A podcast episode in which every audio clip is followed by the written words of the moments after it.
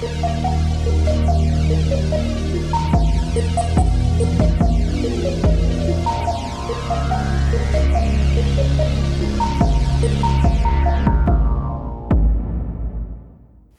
bij aflevering 28 van Moordzaken, de podcast. Ja, daar zitten we weer. En ik denk dat ik toch eventjes uh, moet reageren op wat opmerkingen van luisteraars.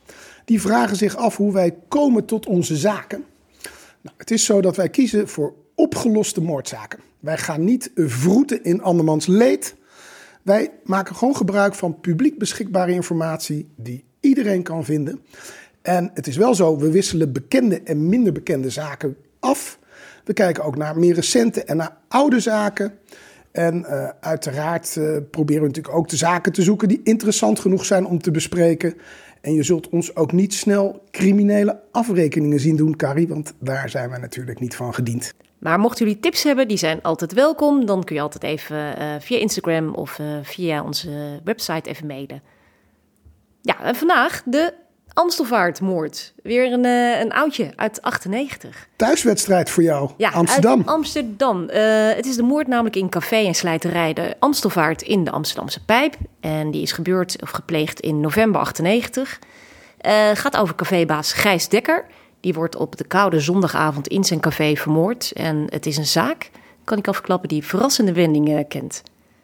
98, ja. 98. Wat Ja. gebeurde er allemaal? Ja, we hebben het al een keer behandeld, hè, 1998. Schiet me te binnen. Welke zaak was dat ook De, weer? de filemoord, Arnhemse filemoord. Jeetje, ja. Ja, Wat mij opviel was in ieder geval dat het het jaar van eh, Bill Clinton was. In alle opzichten. Hij eh, was allereerst degene die bevel gaf tot een luchtaanval op Irak. Maar op het laatste moment afblies. Maar het was natuurlijk ook een beetje het jaar van eh Lewinsky Gate. Dat speelde natuurlijk al daarvoor. Maar eh, Bill Clinton eh, zat toch een beetje in de hoek waar de klappen vielen. Hij moest ook af en toe even iemand wat betalen om te zorgen dat het niet, niet verder ging. have- Ja. Ja.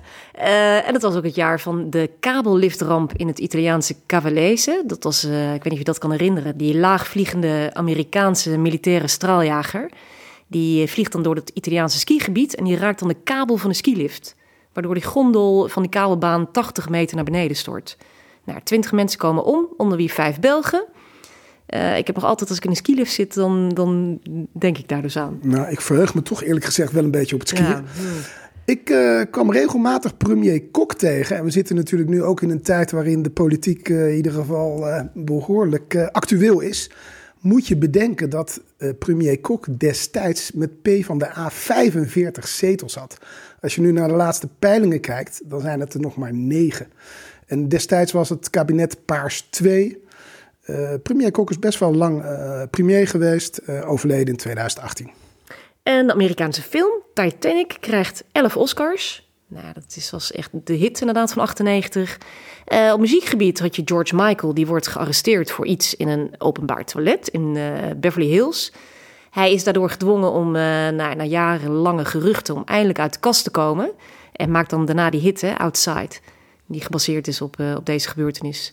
Nou, als we in dit soort triviale zaken duiken, dan durf ik ook nog wel even te melden dat Nederland destijds 15,7 miljoen inwoners had. Eh, Marc Dutroux die ontsnapt uit het gerechtsgebouw van Neufchâteau. Die wordt dan vier uur later wel weer in de Ardense bossen opgemerkt hè, door een boswachter en weer gearresteerd. Dat leidt wel tot de ontslag van de minister, van Justitie en de minister van Binnenlandse Zaken in België. Nou, ik denk dat die Marc Dutroux-zaak tot op heden nog steeds het grootste gezwel van de Belgische samenleving is. Ja, Dat is iets wat blijft nog een steeds speelt. Ja. Ja. En op de Brunsumer Heide wordt de elfjarige Nicky Verstappen dood aangetroffen. Ook in Ik- 1998. Ik voel dat we die zaak nog een keer gaan behandelen. Ja.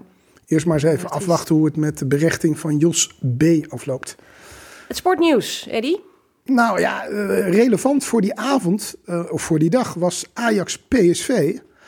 Eh, en misschien kan je nog herinneren, nou dat lijkt me knap, maar het was Dani. Die schopte tegen het hoofd van de keeper van PSV, Lodewijks, aan. Maar weet jij, Carrie, wat de uitslag van die wedstrijd was? 2-1.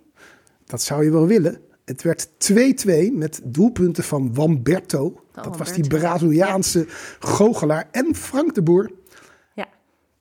Eh, Komt later terug, hè, deze wedstrijd. Belangrijk. Ja, komt in de zaak terug. Ja, en de Champions League finale dat jaar vond plaats in Amsterdam.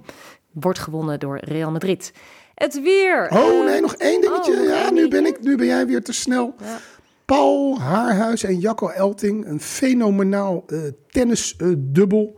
die eh, namen afscheid dat jaar met een overwinning in het wereldkampioenschap. En ja, ik vond het wel verwonderlijk. Zij werden gekozen tot sportploeg van het jaar. Nou, een beetje sportduo zou ik bijna zeggen.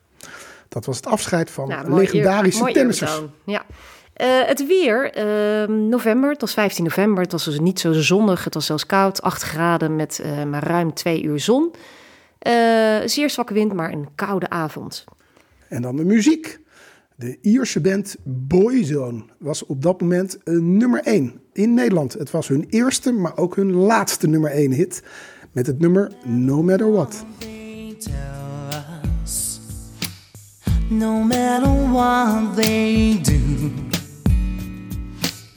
no matter what they teach us what we true Ja, het is eigenlijk wel triest, hè? want in, in 2009 is de Stephen Gately, eh, bandlid van Boyzone, die is onverwacht eh, in zijn slaap overleden toen hij in Mallorca zat. Je weet niet wat daar eh, aan te pas is gekomen. Dat weet je niet, maar hij werd maar 33 jaar oud. Dan komen we bij de gewetensvraag. Ja, gewetensvraag. Nou ja, oh, ja, ja, ook van de luisteraars. Oh, dat moet ik zeggen, ja. Eh, Oké, nee, na het vorige podcast hebben we sommige luisteraars een beetje verrast hè, met, met wat adverteerders. Ehm, nou, we maken deze podcast inderdaad niet voor het geld. We vinden het gewoon heel erg leuk om te doen. Ehm, maar toch, eh, ja, we vinden het toch wel heel leuk als mensen zoals Arthur van het Hek bereid is om ons eh, te supporten met onze podcast. Ehm Arthur van het Hek is van AMI Advocaten, AMI, amiadvocaten.nl. Wij hebben heel veel strafrechtelijke zaken natuurlijk, maar wat we niet weten, wat we niet uitlichten hierin, is ook dat die zaken heel veel gevolgen hebben voor families bijvoorbeeld. Ja, maar dat kan bijvoorbeeld te maken hebben met omgang, met gezag, met onder toezichtstelling of uit huisplaatsing. En dat zijn allemaal zaken waarvoor je dus terecht kan bij AMI-advocaten. Terug naar de zaak. De Amstelvaartmoord. Ja, we gaan terug naar zondagavond 15 november 1998. Eh, Vroeger vroeg je nog wel eens samen of er wat veldwerk gedaan was. dat ga ik zo vragen. Maar ik ga eerst eens even vertellen op deze zondagavond. Deze zondagavond in 98 vindt dus in die Amsterdamse café-slijterij de Amstelvaart. En dan moet je denken, dat ga je zo vertellen dan maar, over een slijterij en een café, want het is best wel uitzonderlijk. Maar er vond een eh, verschrikkelijke moord plaats. Eh, het was een koude avond, ik zei het al. Een leeg café en dan vindt een bezoeker de eigenaar van de kroeg, Gijs Dekker, dood achter de bar. Nou, Eddie vertelt maar eventjes, wat is het voor een café? Nou, ik vind sowieso achter de toog. Dat vind ik echt, dat, dat vind ik echt een mooi woord. Nee, ja, Café Amstelvaart is ook een slijterij. Daar zijn er maar een paar van in Amsterdam. Een van mijn favorieten is bijvoorbeeld eh, de Oosterling. Ook zo'n mooi café-slijterij. Ehm, zit aan de Centuurbaan, maar helaas niet meer eh, vandaag de dag. Is volgens mij al een jaar of vijf geleden verdwenen. Eh, tegenwoordig is het Café Voeders. Ehm, de Centuurbaan in Amsterdam kennen we allemaal. Ligt eh, op het randje van, eh, ik zou zeggen, de, de, het ligt in de pijp, randje Oost. Eh, ja, zo'n echt traditioneel Amsterdams café. Ja, tegenover verzorgingshuis Tabita. Dat is er ook niet meer. Nee, dat heet nu Amsteldijk. Eh, maar het was een authentiek café. Hè? Er worden allemaal kopstootjes gedronken. Dus een glas bier met een glas jenever erbij. Dus de, de oude Persische tapijtjes op tafel. Biljart in het midden. Ehm, ja, dus een café waar je dan graag even inderdaad op zondagavond voetbal eh, ging kijken. Ehm, gebeurde ook dus in het café op deze zondagavond. Op de Eh, tijd dat je nog naar de samenvatting van Studio Sport keek, hè? 7 uur, bord op schoot. Nou, deze moord die lijkt te gaan om eh, roof of diefstal. En dat gaat dan op de 60-jarige eigenaar Gijs Dekker. Hij woonde boven het café. Hij was eerst barman in het café en nu de eigenaar. Ehm, zoals ik al net vertelde, die bezoeker die dus langskwam, dat was eh, de buurman. Die kwam eh, kwart over tien, tien voor half elf in de avond een geleende bezem terugbrengen. En hij kwam dus in een leeg café. Nou, dan moet je nagaan, hè? stil, leeg café. En hij ziet dus achter de bar, de toog, ziet hij Gijs liggen. En die lag er dus vreselijk bij. Hij lag op zijn rug, kwam bloed uit zijn hoofd. Nou, zijn hoofd was ook ingeslagen. Hij had vier rechtstandige messteken. Dus er zijn echt messteken die je gewoon echt, weet je wel... Dus Dat is de brute manier van steken, ja, zeg maar. echt recht in je hart. Eh, verbrijzeld strottenhoofd. En als je die, die letsels allemaal afzonderlijk ziet, waren alle drie letsels afzonderlijk eigenlijk al dodelijk. Hè? Dus het eh, verbrijzelen van het strottenhoofd, de messteek en je hoofd inslaan. Ja, en het leek alsof er iemand overheen gelopen was. Ja, er was een, een voetafdruk op zijn witte hemd. En de kassa was opengebroken. En in de spoelbak lag vrij bijzonder een sok met een steen erin. Ja, samen met een paar borrelglaasjes. En onder de toog of onder de toonbank, eh, er lagen altijd sigaretten en die waren ook meegenomen. Volgens mij heel veel Gauloise sigaretten. Ja, dat was zo'n merk van die tijd. Ja, Dat werd ook uitgedeeld vroeger. Hè? Die jij? sigaretten. Nee, eh, nog steeds niet. En toen ook niet. Maar die werden gewoon uitgedeeld op feestjes en partijen in de studieperiode. ja, ja Ongelooflijk. hadden dat ook. Die hadden van die eh Dunhill sigaretten dan. Bestaat het merk nog, denk je? Geen idee.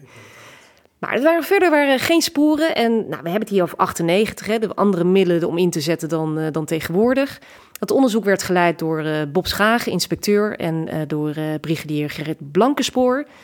Ehm, zoals we al zeiden, die wedstrijd Ajax-PSV, dat was een eikpunt voor, voor die avond, voor de verhoren later, voor het tijdstip van overlijden. Ehm, Gijs Dekker had die avond met zijn klanten nog naar die samenvatting gekeken. En er waren verder tijdens die moord eigenlijk geen getuigen. Nou, natuurlijk een buurtonderzoek eh, zijn ze gestart. Papier en glasbak hebben ze gecontroleerd. Eh, de- alle mensen in de buurt hebben ze... Alle bonnetjes. De bonnetjes achter de bar, inderdaad. Ja, want het was nog in de tijd dat je gewoon op de pof kon drinken. hè. Je had gewoon een bonnetje met de naam achter de bar liggen en dan eh, kwam je een keer betalen.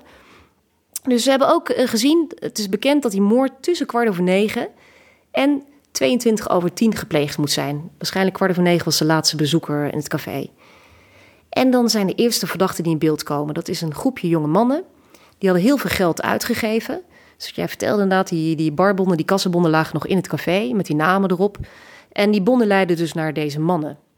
Een clubje wat aan de overkant, op de Weesperzijde, vaak bivakkeerde. En toen zijn ze volgens mij bij, eh, zijn ze gaan posten daar. Ja, bij de avondwinkel. Bij de avondwinkel. bij de Weesperzijde, ja. Ja, dus die, die, eh, die rechercheurs zijn daar als het ware eventjes eh, achter de toog gaan staan om te kijken of ze die jongens daar binnen zagen komen.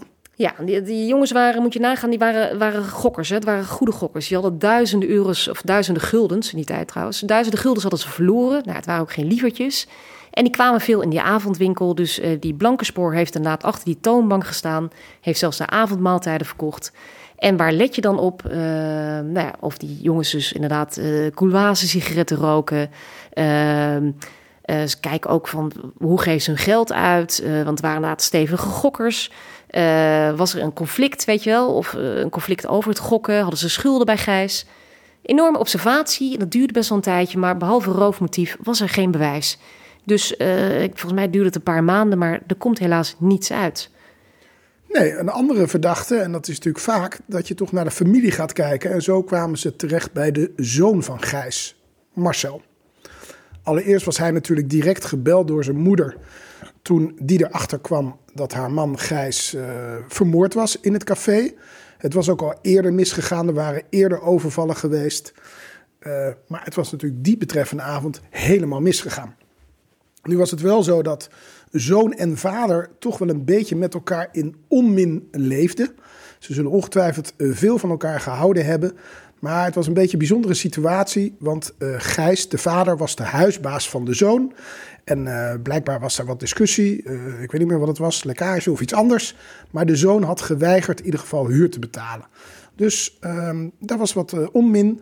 Gelukkig moet ik zeggen dat uiteindelijk vrij snel de eh, politie erachter kwam dat deze zoon er toch echt niks mee te maken had. Dus eh, Ja, gelukkig. maar, geen ja. verdachte meer. Nee, dus ehm, nou, het onderzoeksteam, het heet overigens Team Berlijn, moest dus een andere richting uit. Geen getuigen dus, geen aanwijzingen behalve één goed spoor. Dat was dus dat schoenspoor op het lichaam, die schoenafdruk. En die steen in de sok die in de spoelbak is eh, achtergelaten. Nou, die rechercheurs zijn zelfs voor die steen nog naar het Tropenmuseum in Amsterdam geweest. Want eh, ze gingen natuurlijk even kijken waar komt die steen vandaan. Het schijnt geen bijzondere steen te zijn geweest, maar wel eentje afkomstig uit een Zuid-Europese rivier. Maar goed, kom je ook niet heel veel verder mee, denk ik. Die, die schoenafdruk daarentegen, in het bloed en op het witte shirt van eh, Gijs. Ja, die dader die moest dus bij de kassa komen en op die terugweg, of, of eigenlijk is hij toen al op hem gestapt. Want die kassalade die is waarschijnlijk ook boven Gijs omgekeerd. Want er lagen nog muntjes in het bloed en op zijn lichaam. Ja, maar bedenk eens hoe respectloos dat is. Ja. Als je over iemand heen gaat lopen om uiteindelijk bij de kassa te kunnen en daar wat uit te graaien. Ja. Ja. Maar dan komen we bij de schoenen. Ja, dan kun je dus achterhalen. Of eh, een beetje aan de maat, hè, de lengte, of de man of een vrouw is. Eh, maar hoe kom je dus achter het merk van de schoen? Dan ga je naar de schoenenconferentie. Die blijkt ook in Nederland gehouden te worden. Ja, maar dit is wel, kom, je doet het alsof het heel normaal is. Maar het is toch ingenieus plan naar een schoenenconferentie. Ja, de rechercheurs gingen naar de schoenenconferentie. Natuurlijk met een afdruk van dat, eh, van dat shirt. Nee, afdruk van de print van de schoenafdruk. Nou ja, dat bedoel ik dus. ja, ja. En wat blijkt, dat is een vrij herkenbare schoen, namelijk van het merk Blackstone. Dat is een beetje een grove schoen, dus met een beetje, eh, ja, ook... eh, Ja, zo'n bergschoen? Ja, zo'n beetje, Ja. eh, met een heel duidelijk profiel. ja. Eh, nou, dan weet je in ieder geval welke schoen het is. Dat is in ieder geval al een mooi bewijsstuk, zou ik zeggen. Ja, maar veel verder kwamen ze niet. Hè? Je Nee. moet dan ook bedenken dat het onderzoeksteam Berlijn... dat was dus niet zo'n TGO-team. Het is een team grootschalige opsporing zoals we dat nu kennen.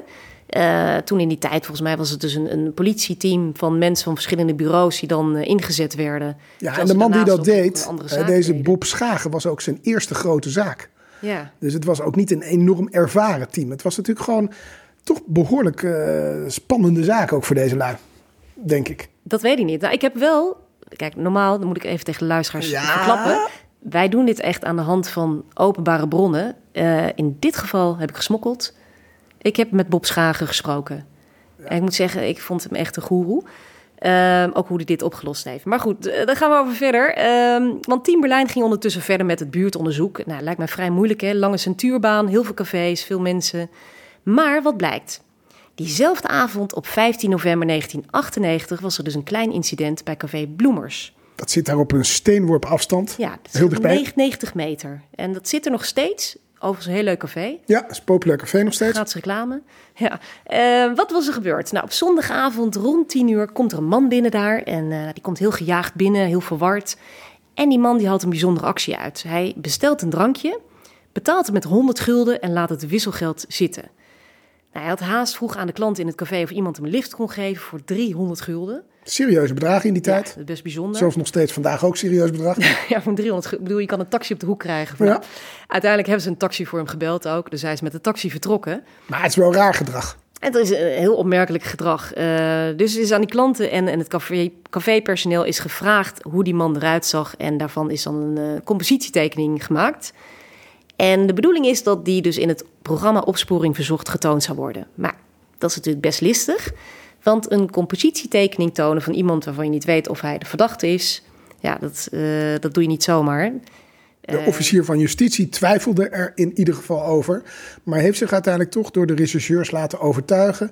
dat het eh, goed was om die compositietekening in het welbekende programma Opsporing Verzocht te laten zien. Dus Ja. zo geschieden. Het moest ook wel, want ze hadden verder geen andere sporen. Dit, en het onderzoek was echt al maanden verder. Dus, ehm, en ze zeiden ook, het vreemde gedrag van die klant past dus bij het vreemde gedrag dat in Café Amstelvaart is gebeurd. Dus het OM heeft dat risico genomen, dus om het inderdaad te laten zien. Nou, waar werd er naar gezocht? Blanke man, blond haar, rond de 30 jaar, ongeveer 1,85 lang. Gespierd, stevige postuur. Ehm, en een man dus die inderdaad met een stapeltje bankbiljetten in zijn hand eh, daar rondliep. Ja, dat is belangrijk, want zo stond Gijs ook bekend dat hij in zijn achterzak regelmatig een stapeltje bankbiljetten bewaarde. Ja, klopt. En een dag na die uitzending van Opsporing Verzocht, dan wordt de politie door een collega gebeld. En dat is echt puur toeval, want ehm, deze politieman die keek eigenlijk normaal nooit naar Opsporing Verzocht. Alleen in deze uitzending zat er geloof ik een, een collega van hem. In ieder geval, er was een reden dat hij deze avond naar Opsporing Verzocht keek. En hij herkende de man van de compositietekening. En waarom kende hij hem? Hij had dus een, eh, eh, deze man van die compositietekening had een recente overval gepleegd met aanhouding. Dus had een gewapende overval gepleegd op een avondwinkel in Amsterdam. Daar was hij aangekomen met de taxi. Had hij heel leuk even met die taxichauffeur gepraat, dus heel amicaal. En eh nou, was uitgestapt. Overvalt die avondwinkel, had zijn pistool nog even afgegeven aan de man achter de toonbank. Want die was zo in paniek dat hij de kassa niet open kreeg. Dus hij heeft die pistool, wel de, de dingen eruit gehaald, de pistool afgegeven. Vervolgens weer teruggepakt, is weer die taxi ingestapt en weer weggereden.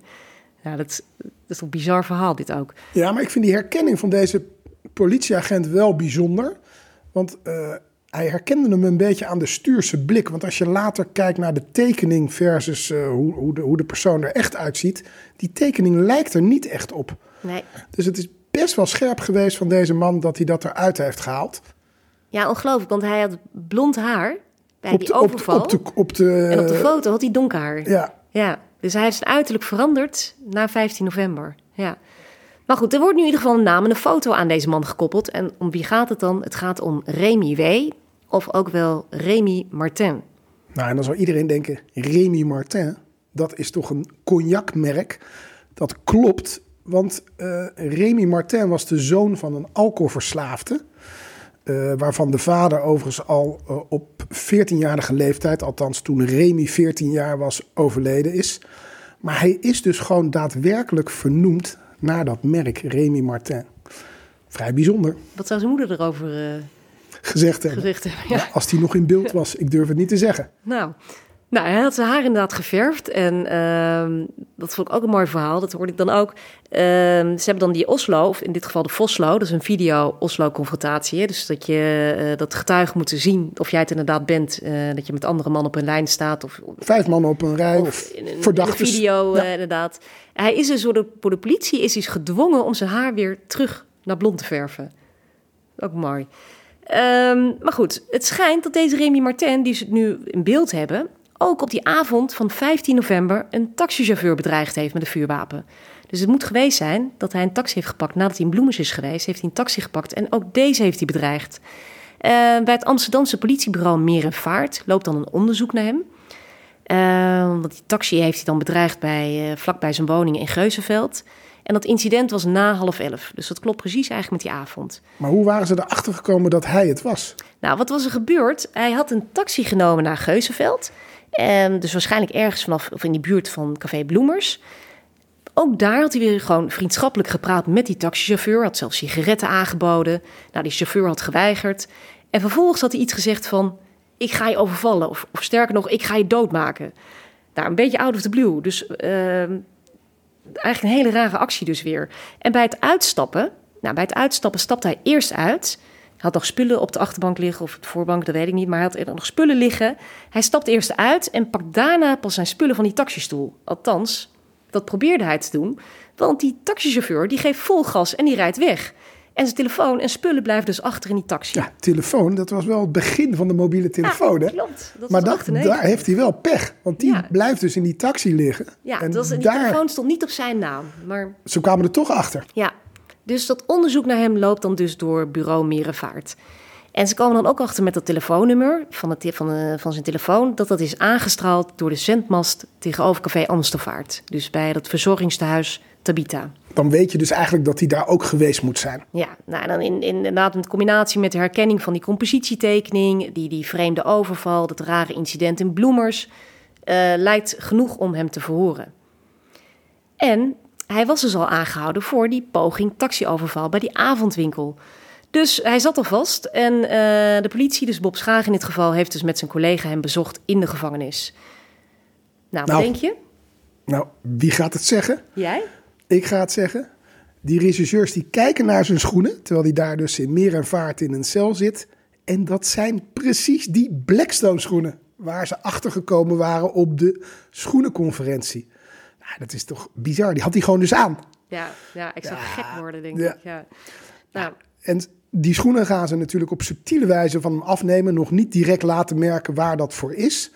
En wat vinden ze in die schoenen? Ze vinden niet alleen bloed in de schoen. Ze vinden het ook op het stiksel. En ze vinden ook bloed in de hak. Dat gaan ze laten onderzoeken. Ja, en het profiel van die schoen, die komt ook helemaal overeen. Hè? Ja, met wat ze in het witte shirt van Gijs Dekker hebben gevonden. Ja. Nou, die, die schoenen zijn later trouwens kwijtgeraakt. Dat wist ik dan maar even niet. Ja, nee, dat- mooi verteld. Eh, die schoenen gaan dus naar het NFI, naar een schoenzoolspoordeskundige in Zaandam. Dat is een woord voor galgjes. Ja, Schoenzool, schoenzool- spoordeskundige. Schoenzoolspoordeskundige. En nou, ergens in het traject zijn die schoenen dus ergens opgelost. Ehm, maar goed, dat heeft nog te maken met die strafmaat later. Maar goed, ondertussen Remy wordt officieel aangehouden. Zijn huis wordt doorzocht. Of nou, zijn huis. Hij woonde eh, bij een vriend, Mario. En daar worden ook stenen aangetroffen. Soortgelijke steen. Nou, dat val je ook van je stoel. Eh, inderdaad, die steen uit Zuid-Europa. En het blijkt dat die steen uit dezelfde rivier komt als die steen die dus gevonden is in die sok. Nou, dan weet je dat je goed zit.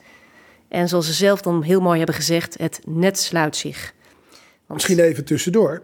Het net sluit zich rond Remy Martin, maar hoe wordt hij eigenlijk gezien? Hij wordt eigenlijk gezien als best een joviale Amsterdammer. Een vent waar je wel een avondje mee aan de bar zou kunnen staan. Hij blijkt ook in staat te zijn om makkelijk contact te maken met mensen. Om ze vervolgens het leven zuur te maken.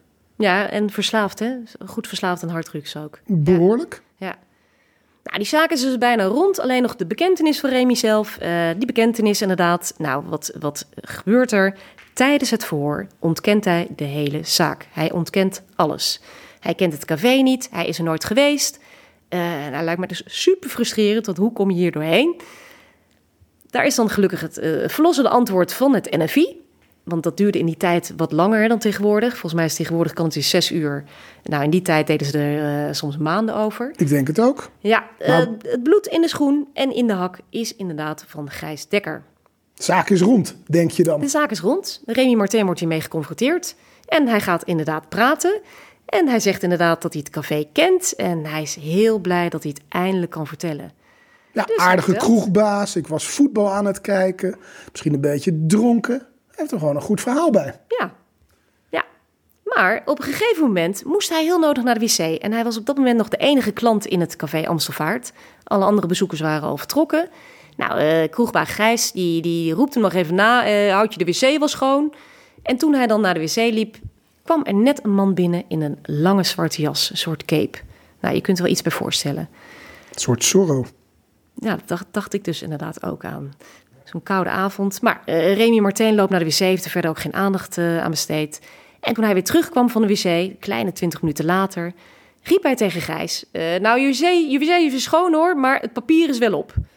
Nou, er komt geen reactie. Dus hij loopt het café in, loopt achter die toog, achter de bar. En hij ziet daar Gijs liggen. En hij zegt nog, zie ik die arme drommel liggen. Nou, hij is natuurlijk volledig in paniek. Is waarschijnlijk ook in paniek nog over hem heen gestapt. Dat weet hij niet meer. Is toen weggelopen en in paniek is hij toen naar café Bloemers gegaan. En daar heeft hij dan iets van help, help geroepen. Ja, want hij, eh, niemand zou me geloven natuurlijk. Hè? Je bent als laatste in de kroeg. En Ja. hij denkt, Nou ja, Hoe ga ik dit dat is uitleggen? een goede vraag, van waarom bel je inderdaad op dat moment de politie niet? Nou, Eddie, hij was natuurlijk, hij was al aangehouden voor die avondwinkelroof. Dus inderdaad, je zou hem al snel weer als verdachte hier eh, zien. ja, maar het is nog een tikkie erger. Ja, Want hij is ook eerder verdacht geweest van de moord op zijn ex-vriendin. de 24-jarige Judith van Boerkom. Ja, dan hebben we het over 1992. De, ja, eh, zes jaar eerder. Ja, zij woonde sinds 1985 in Amsterdam, in de Tsaar Peter-buurt in Oost aan de Blankenstraat. En wat is daar gebeurd? Uiteindelijk hebben op een gegeven moment, en het speelt zich af eh, in de nacht van 3 op 4 mei 1992, eh, de politie is geattendeerd door buren die uiteindelijk een hele ja, rare lucht roken. Ja, dat was al een paar dagen later, op 7 mei. Ehm, Ja, worden ze getipt. En eh, wat blijkt, eh, Judith is gewurgd met een elektriciteitskabel. En eigenlijk wordt al een dag later, na de ontdekking, wordt haar ex-vriend, deze Remy Martin, aangehouden. En hij had geen alibi. Hij was die bewuste nacht was hij gaan stappen. Hij zegt dat hij misschien veel gedronken had. Hij weet zich weinig meer te herinneren van die bewuste dag en nacht. En eh, ja, hij zou wat verward geweest zijn. En eh, ja, je zegt mooi, hij was ik dag gaan, nacht gaan stappen, maar hij was het hele weekend. Je moet even denken, deze, deze man was zwaar verslaafd aan harddrugs. Eh, die was het hele weekend, was hij, het was niet een avondje stappen, die was gewoon het hele weekend, was hij waarschijnlijk helemaal in de war. ja, hij zegt ook, hij kan zich niet Hij- voorstellen hij waarom weet- hij hij een vrouw het hele- zou doden. Het hele weekend weet hij niet meer. Ehm, en hij was, nou, hij was zwaar, zwaar verslaafd, inderdaad. Hij was totaal verward. En ehm, hij had toen een andere vriendin ook. Dus toen hij de volgende ochtend zijn vriendin opbelde, wist hij ook niet waar hij was op een onbekende plek. Hij had een totaal zwart gat. Maar hij wist wel zeker te zijn van zijn onschuld. Want hij, had geen, hij kon zich niet voorstellen waarom zou hij Judith vermoorden. Want die, die relatie tussen die twee was al jaren voorbij. Hè. Ze had, had hem lastig gevallen, ze, stolkte hem al twee jaar lang. Maar een reden om haar te doden had hij niet. Maar ja, hij was toch uiteindelijk snel gearresteerd, want hij was eh, op dat moment sloper van beroep. En op zijn, of op, in zijn werkplaats werd dezelfde soort kabel gevonden. Dat was een blauwe kabel, die uiteindelijk ook gevonden was eh, als uiteindelijk het moordwapen voor de verwurging. Ja. Dus je zou zeggen, Ja, maar eh, ja, daar dacht de advocaat De- de- anders de- over. De van, bewijzen waren natuurlijk niet heel, heel erg sterk. Er was nog wel een buurvrouw, hè, die had ook een, een persoon op de trap gehoord. eh, die 3, 4 mei met een sleutelbos. En eh, dat zijn geluiden die je dan herkent. Hè, die herken je na verloop van tijd als je daar woont. En dat klonk wel eh, inderdaad alsof bij Judith naar binnen was gegaan. Er waren ook geen braaksporen, dus Judith moet zelf eh, of de dader naar binnen hebben gelaten... of die dader is inderdaad met de sleutel naar binnen gegaan. Ehm, en er zijn wel sleutels gevonden in de jas van Remy. Dus dat was dan nog een ander eh, bewijs. Maar goed, ehm, en een sigarettenpakje. Pakje sigaretten met vingerafdruk van hem. Ja, in de woning van haar. Maar goed, hij was kort daarvoor was hij nog bij Judith thuis geweest om te zeggen dat ze, dat ze moest stoppen met dat stolken. Dus ook dat was niet echt hard bewijs. Hij heeft dus een verklaring voor. Uiteindelijk wordt hij in eerste aanleg, aanleg wel veroordeeld tot zes jaar. Kun je nog steeds afvragen of dat veel is. Maar in hoger beroep, en dat vindt pas een stuk later plaats, want hij heeft uiteindelijk eerst twee jaar vastgezeten, tot 1994, wordt hij uiteindelijk vrijgesproken. En dat is niet zozeer omdat hij onschuldig is, maar wel omdat er gewoon een gebrek aan bewijs is. Ja, misschien- hij wilde wel meewerken. Hij wilde zelfs, eh, want dat was eigenlijk wel een hele goede van zijn eigen advocaat. Hij wilde heel graag meewerken aan een, aan een DNA-test om, eh, om te kijken naar die bloedsporen die in die woning van Judith gevonden werden. Maar dat is dus niet gedaan door het OM, omdat daar geen tijd en geen geld voor was. Ja, en hij krijgt zelfs schadevergoeding. Eh, een serieus bedrag, heb ik ergens gelezen. 100.000 gulden. Ja, Daar kun je je drugs, zeker cocaïne en drankverslaving goed mee bekostigen. ja. Dus in 94 was hij dus weer een vrij man. En eh, na vier jaren later, dus 6,5 jaar na de moord op Judith, lag dus barman Gijs Dekker dood in zijn café Amstelvaart aan een centuurbaan. Dus we gaan weer terug naar de zaak de Amstelvaart. Wat we dus zeiden, niet gek dat Remy Martin dus zich eh, uit de voeten maakte en niet de politie inlichtte bij die fonds van het lichaam van eh, Gijs achter de bar. En dan zit je dan dus hè, als rechercheur zonder direct bewijs, terwijl alles in die richting van Remy Martin wijst. En die ton schadevergoeding die je net noemde, die was al lang op. eh, opnieuw op hè, aan de drugs en drank. En eh, vier jaar na zijn vrijlating had hij nu een schuld van iets van 40.000 gulden. Dus het motief zou duidelijk geweest kunnen zijn. Het ging gewoon om geld. En ook om het bekostigen van zijn alcohol- en cocaïneverslaving. Ja, Maar gelukkig hebben we dan het NFI. Want het NFI vindt uiteindelijk aan de binnenkant van de knoop van de sok ook het DNA van eh Remy Martin. Dan ben je natuurlijk alweer een stap verder. ja, dus hij heeft die sok in zijn handen gehad. Ja, Ja, en het was ook een speciaal geknoopte sok hè, met een soort dubbele knoop, waardoor het echt een goed slagwapen is, waar je, wat je goed kan vasthouden. Het is natuurlijk gewoon een moordwapen. ja, ja. Nou, dan komen we dus inderdaad bij die, bij die rechtszaak. Eh, het OM zegt dat het moord met de voorbedachte raden is. Ehm, hij heeft namelijk gewacht hè, totdat de laatst overgebleven klant in het café was. En hij heeft dus doelbewust die, die lange sportsok inderdaad met die steen... heeft hij meegenomen naar het café. En waarschijnlijk heeft hij ook het mes meegenomen. Ze zijn er ook helemaal achtergekomen van welke club die sportsok was. Hè? Ja, ja. Maar ze echt- hebben dus niet een tweede sok. Dat zij denken Nee. bij de huiszoekingen, dat je dat dan ook vindt. Maar hoop je natuurlijk dat je de tweede sok Ja. vindt. Ja, Misschien even kijken hoe de verdediging het dan aanpakte. Want je zou zeggen, dit is zo klaar als een klontje. Nou, die beginnen dan toch te zeggen... misschien zou dat DNA in die spoelbak rondgezworven kunnen hebben... zodat het op die sok en aan de binnenkant van die sok... ja, het is wel een beetje ver gezocht. Uiteindelijk vragen ze eh, tijdens de rechtszaak ook aan een eh, expert... Hè, van is het in theorie mogelijk dat... en uiteindelijk wordt dat al eigenlijk een beetje onderbroken...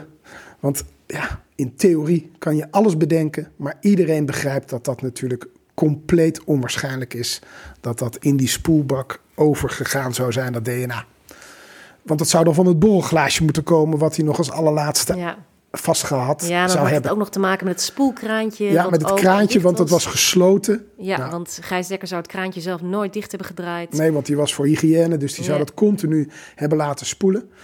Nou, je kunt je voorstellen dat de eis van het OM is eh, fors. 20 jaar onvoorwaardelijk voor eh, moord. Dat betekent dus eh, voorbedachte raden.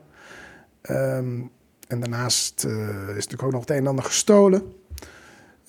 In eerste instantie wordt hij veroordeeld voor 17 jaar. Er volgt hoger beroep en ja, in mijn ogen toch enigszins verrassend, wordt uiteindelijk door het Hof een gevangenisstraf van 12 jaar ja, dat heeft opgelegd. toch, ehm, dat vertelde Bob Schagen, maar misschien toch iets met die schoenen te maken die later dus kwijtgeraakt zijn. Eh, wat ik net vertelde. hè. Goed dat je daarop terugkomt, hè? Ja, want eh, dat kom- vergeten we wel eens. Ik kom erop terug. Je komt Ja, erop dat, terug. heeft, dat schijnt geschild te hebben in die strafmaat van het hoge beroep. Want eh, ze wilden een, een contra-onderzoek doen. En dat was dus niet meer mogelijk, omdat die schoenen er niet meer waren. Uiteindelijk, jaar dus, Ja. ja. Een simpel rekensommetje naar het uitzitten van twee derde van zijn straf komt Remy Martin in 2007 weer vrij. Ja, Eddie, dat is dus niet lang. Hè? 12 jaar, nou dan nog korter dus. Dat is niet lang als je bedenkt dat hij dus in 92 ook eerder betrokken is geweest bij die moord op Judith. Je zou denken, heb je dan te maken met een, met een seriemoordenaar? Ja, strafrechtelijk natuurlijk gezien niet, hè, want hij was vrijgesproken van die eerdere moord. Maar Het is wel iemand die weinig nodig heeft om iemand te vermoorden, denk ik. ja, nou, het, is even stil dan eh, rond Remy Martin. Maar dan, dus hij komt in 2007 vrij. Dan maken we een sprong naar 2014. Ja, dit verhaal krijgt een verrassende wending. Ja, hij komt dan weer in het vizier, inderdaad. Het is dan donderdagochtend 26 juni 2014. Eh, dit keer speelt zich af in Amsterdam-West. De politie krijgt dan een melding binnen van een overval met steekpartij bij een, een goudhandelaar in de Klerkstraat. De goudspeurders. Ja, en dan is er een chaos in de buurt. Hè. Ambulances, politie, een, een politiehelikopter in de lucht, straat afgezet, trams staan vast. En er ligt inderdaad voor die goudhandel, de goudspeurders, ligt een man. Nou, je kan bedenken, dat ziet er niet goed uit. Ziet onder het bloed. ehm, meer, denk ik, dood dan levend. Maar om de hoek van de De Klerkstraat, in de Elisabeth Wolfstraat, ligt nog een man. Ook zwaar gewond, zit ook onder het bloed. Eh, die had een paar meter nog die straat ingelopen en die is daar omgevallen. En het is volstrekt onduidelijk wat daar is gebeurd. Maar die man in de Elisabeth Wolfstraat, dat Dus is de man om de hoek. niemand minder dan de dan 49-jarige Remy Martin. Wat is er gebeurd? Remy Martin kende blijkbaar eh, de eigenaar van deze, van deze zaak, van deze juwelier, goudspeurders, of eh, ik weet niet precies wat voor juwelier dat is. En die had van tevoren gezegd: Ik kom binnenkort bij je winkel. Zorg dat je veel contant geld hebt, want waarschijnlijk wilde hij iets eh, ja, in, inbrengen en dan geld ja, de, de, terugkrijgen. die goudspeurder is inderdaad dat is een, een, een, eh, een Pandjes, eh, goudhandel. een soort ja, pandjes, die, die, eh, inderdaad, winkel. die, die, die kopen, verkopen eh, goud. En, eh, nou, Remy was daar vaste klant, hè. Die, die kwam daar spullen verkopen en had een afspraak gemaakt voor die 26e. Had van tevoren inderdaad gebeld. Donderdag die 26 was Remy rond 10 uur op die afspraak bij die goudhandelaar verschenen. Nou, hij zou samen met een vriend komen, maar die was er nog niet. Dus Remy wilde nog even op zijn vriend wachten. Nou, die goudhandelaar heeft koffie gezet. Ze hebben een praatje gemaakt, normale gang van zaken. Eh, een uur lang hebben ze gepraat. Die man gaat uiteindelijk weer aan het werk. Want die vriend waar Remy op wacht, is er nog steeds niet. Ehm, die man gaat administratie doen achter in de winkel. Remy gaat voor in die winkel eh, zitten. En een paar minuten later staat Remy op, loopt naar die goudhandelaar toe. En begon over een of ander bijzonder klokje dat hij eh, ergens had gezien. Dat wilde hij laten zien in het tijdschrift. Hij loopt naar die man toe, komt vervolgens heel dichtbij. En komt vervolgens ineens met een, een, een raar wapen. Nou, het leek wel een mes. eh, komt hij op die man af en steekt hij recht in zijn hart. En die man die, die, die kijkt en die, die ziet, die is eigenlijk een soort flabbergasted. En die, die rukt dat wapen uit zijn eh, lichaam. Ziet dat het een vleesvork is. Weet je, zo'n ding wat je gebruikt bij barbecuen. Met een Nou. paar van die hele scherpe tanden. Ja. En eh, er ontstaat een worsteling. En die man die dacht ook van, nou, dit, weet je wel, ik, ik ga je gewoon dood. Dus die, die pakt ineens die vle- vleesvork vast. En eh, eh, die heeft daarmee Remy gestoken. Al zegt hij dat hij dat niet kan herinneren. Hij weet nog wel dat hij riep dat Remy moest weggaan. Maar eh, hij kan niet herinneren dat hij hem gestoken heeft. Remy die vlucht naar buiten en die overlijdt dus iets verder in die Elisabeth Wolfstraat. Ja, hier vindt de seriemoordenaar Remy Martin zijn Waterloo. Ja, ja. Ja, jeet, heftig hè? Die zaak wordt nog wel tegen die goudhandelaar, die wordt nog wel door het OM geseponeerd. Hè? Want er wordt geoordeeld dat hij uit noodweer handelt. Ja, dat noodweer is natuurlijk een vorm van zelfverdediging. Kijk, als je zelf aangevallen wordt en je moet je tegen die aanval verdedigen, dan kan er sprake zijn van eh, noodweer.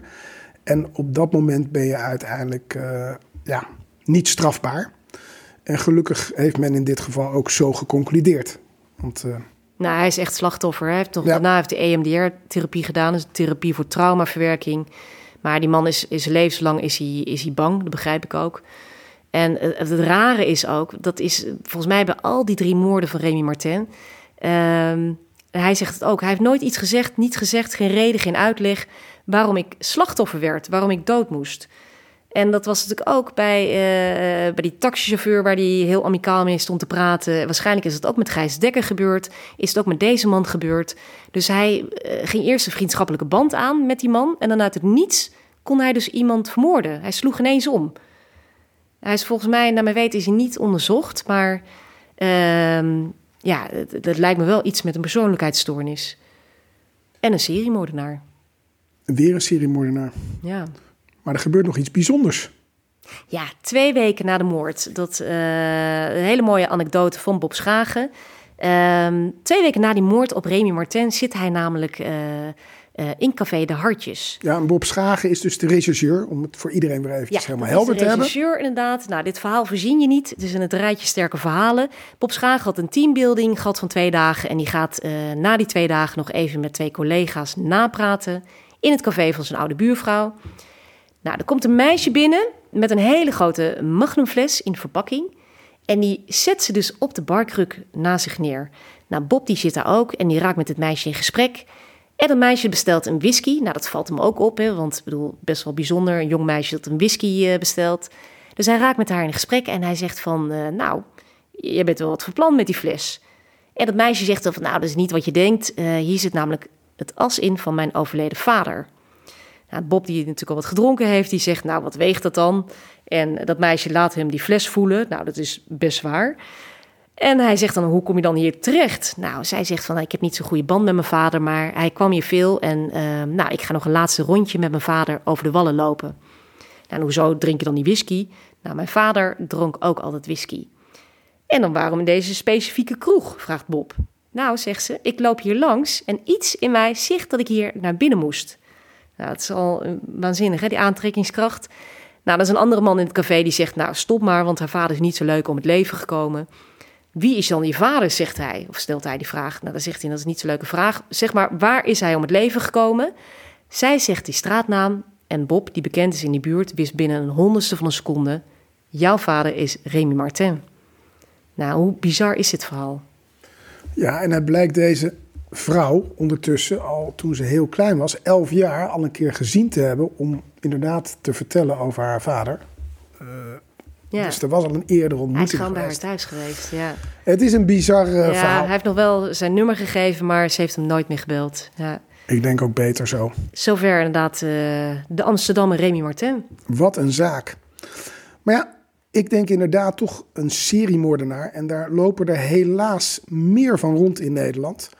Want deze week, eh, beter gezegd afgelopen week, speelt het hoger beroep tegen Johnny W. En dat hebben we natuurlijk uitgebreid besproken in onze vijftiende aflevering destijds. En ja, op dit moment vindt die zaak plaats bij het Hof. Het OM eist wederom bijna 20 jaar. eh, en TBS met dwangverpleging. Ditmaal voor drie keer doodslag. Want om iedereen weer heel even te herinneren: het gaat dus om de zaken van Monique Rozin, 2003. Mirela Mos, de Roemeense dame, 2004. En Sabrina Oosterbeek in 2017. Waar zijn er nou extra bewijzen? Nou ja, destijds is eh, Johnny W. veroordeeld voor 14 jaar plus TBS. En dat had te maken met het feit dat de zaken tegen Rosine en Oosterbeek niet bewezen waren. Eh, zo is Sabrina Oosterbeek nog steeds tot op de dag van vandaag, ondanks allerlei zoekacties, niet gevonden.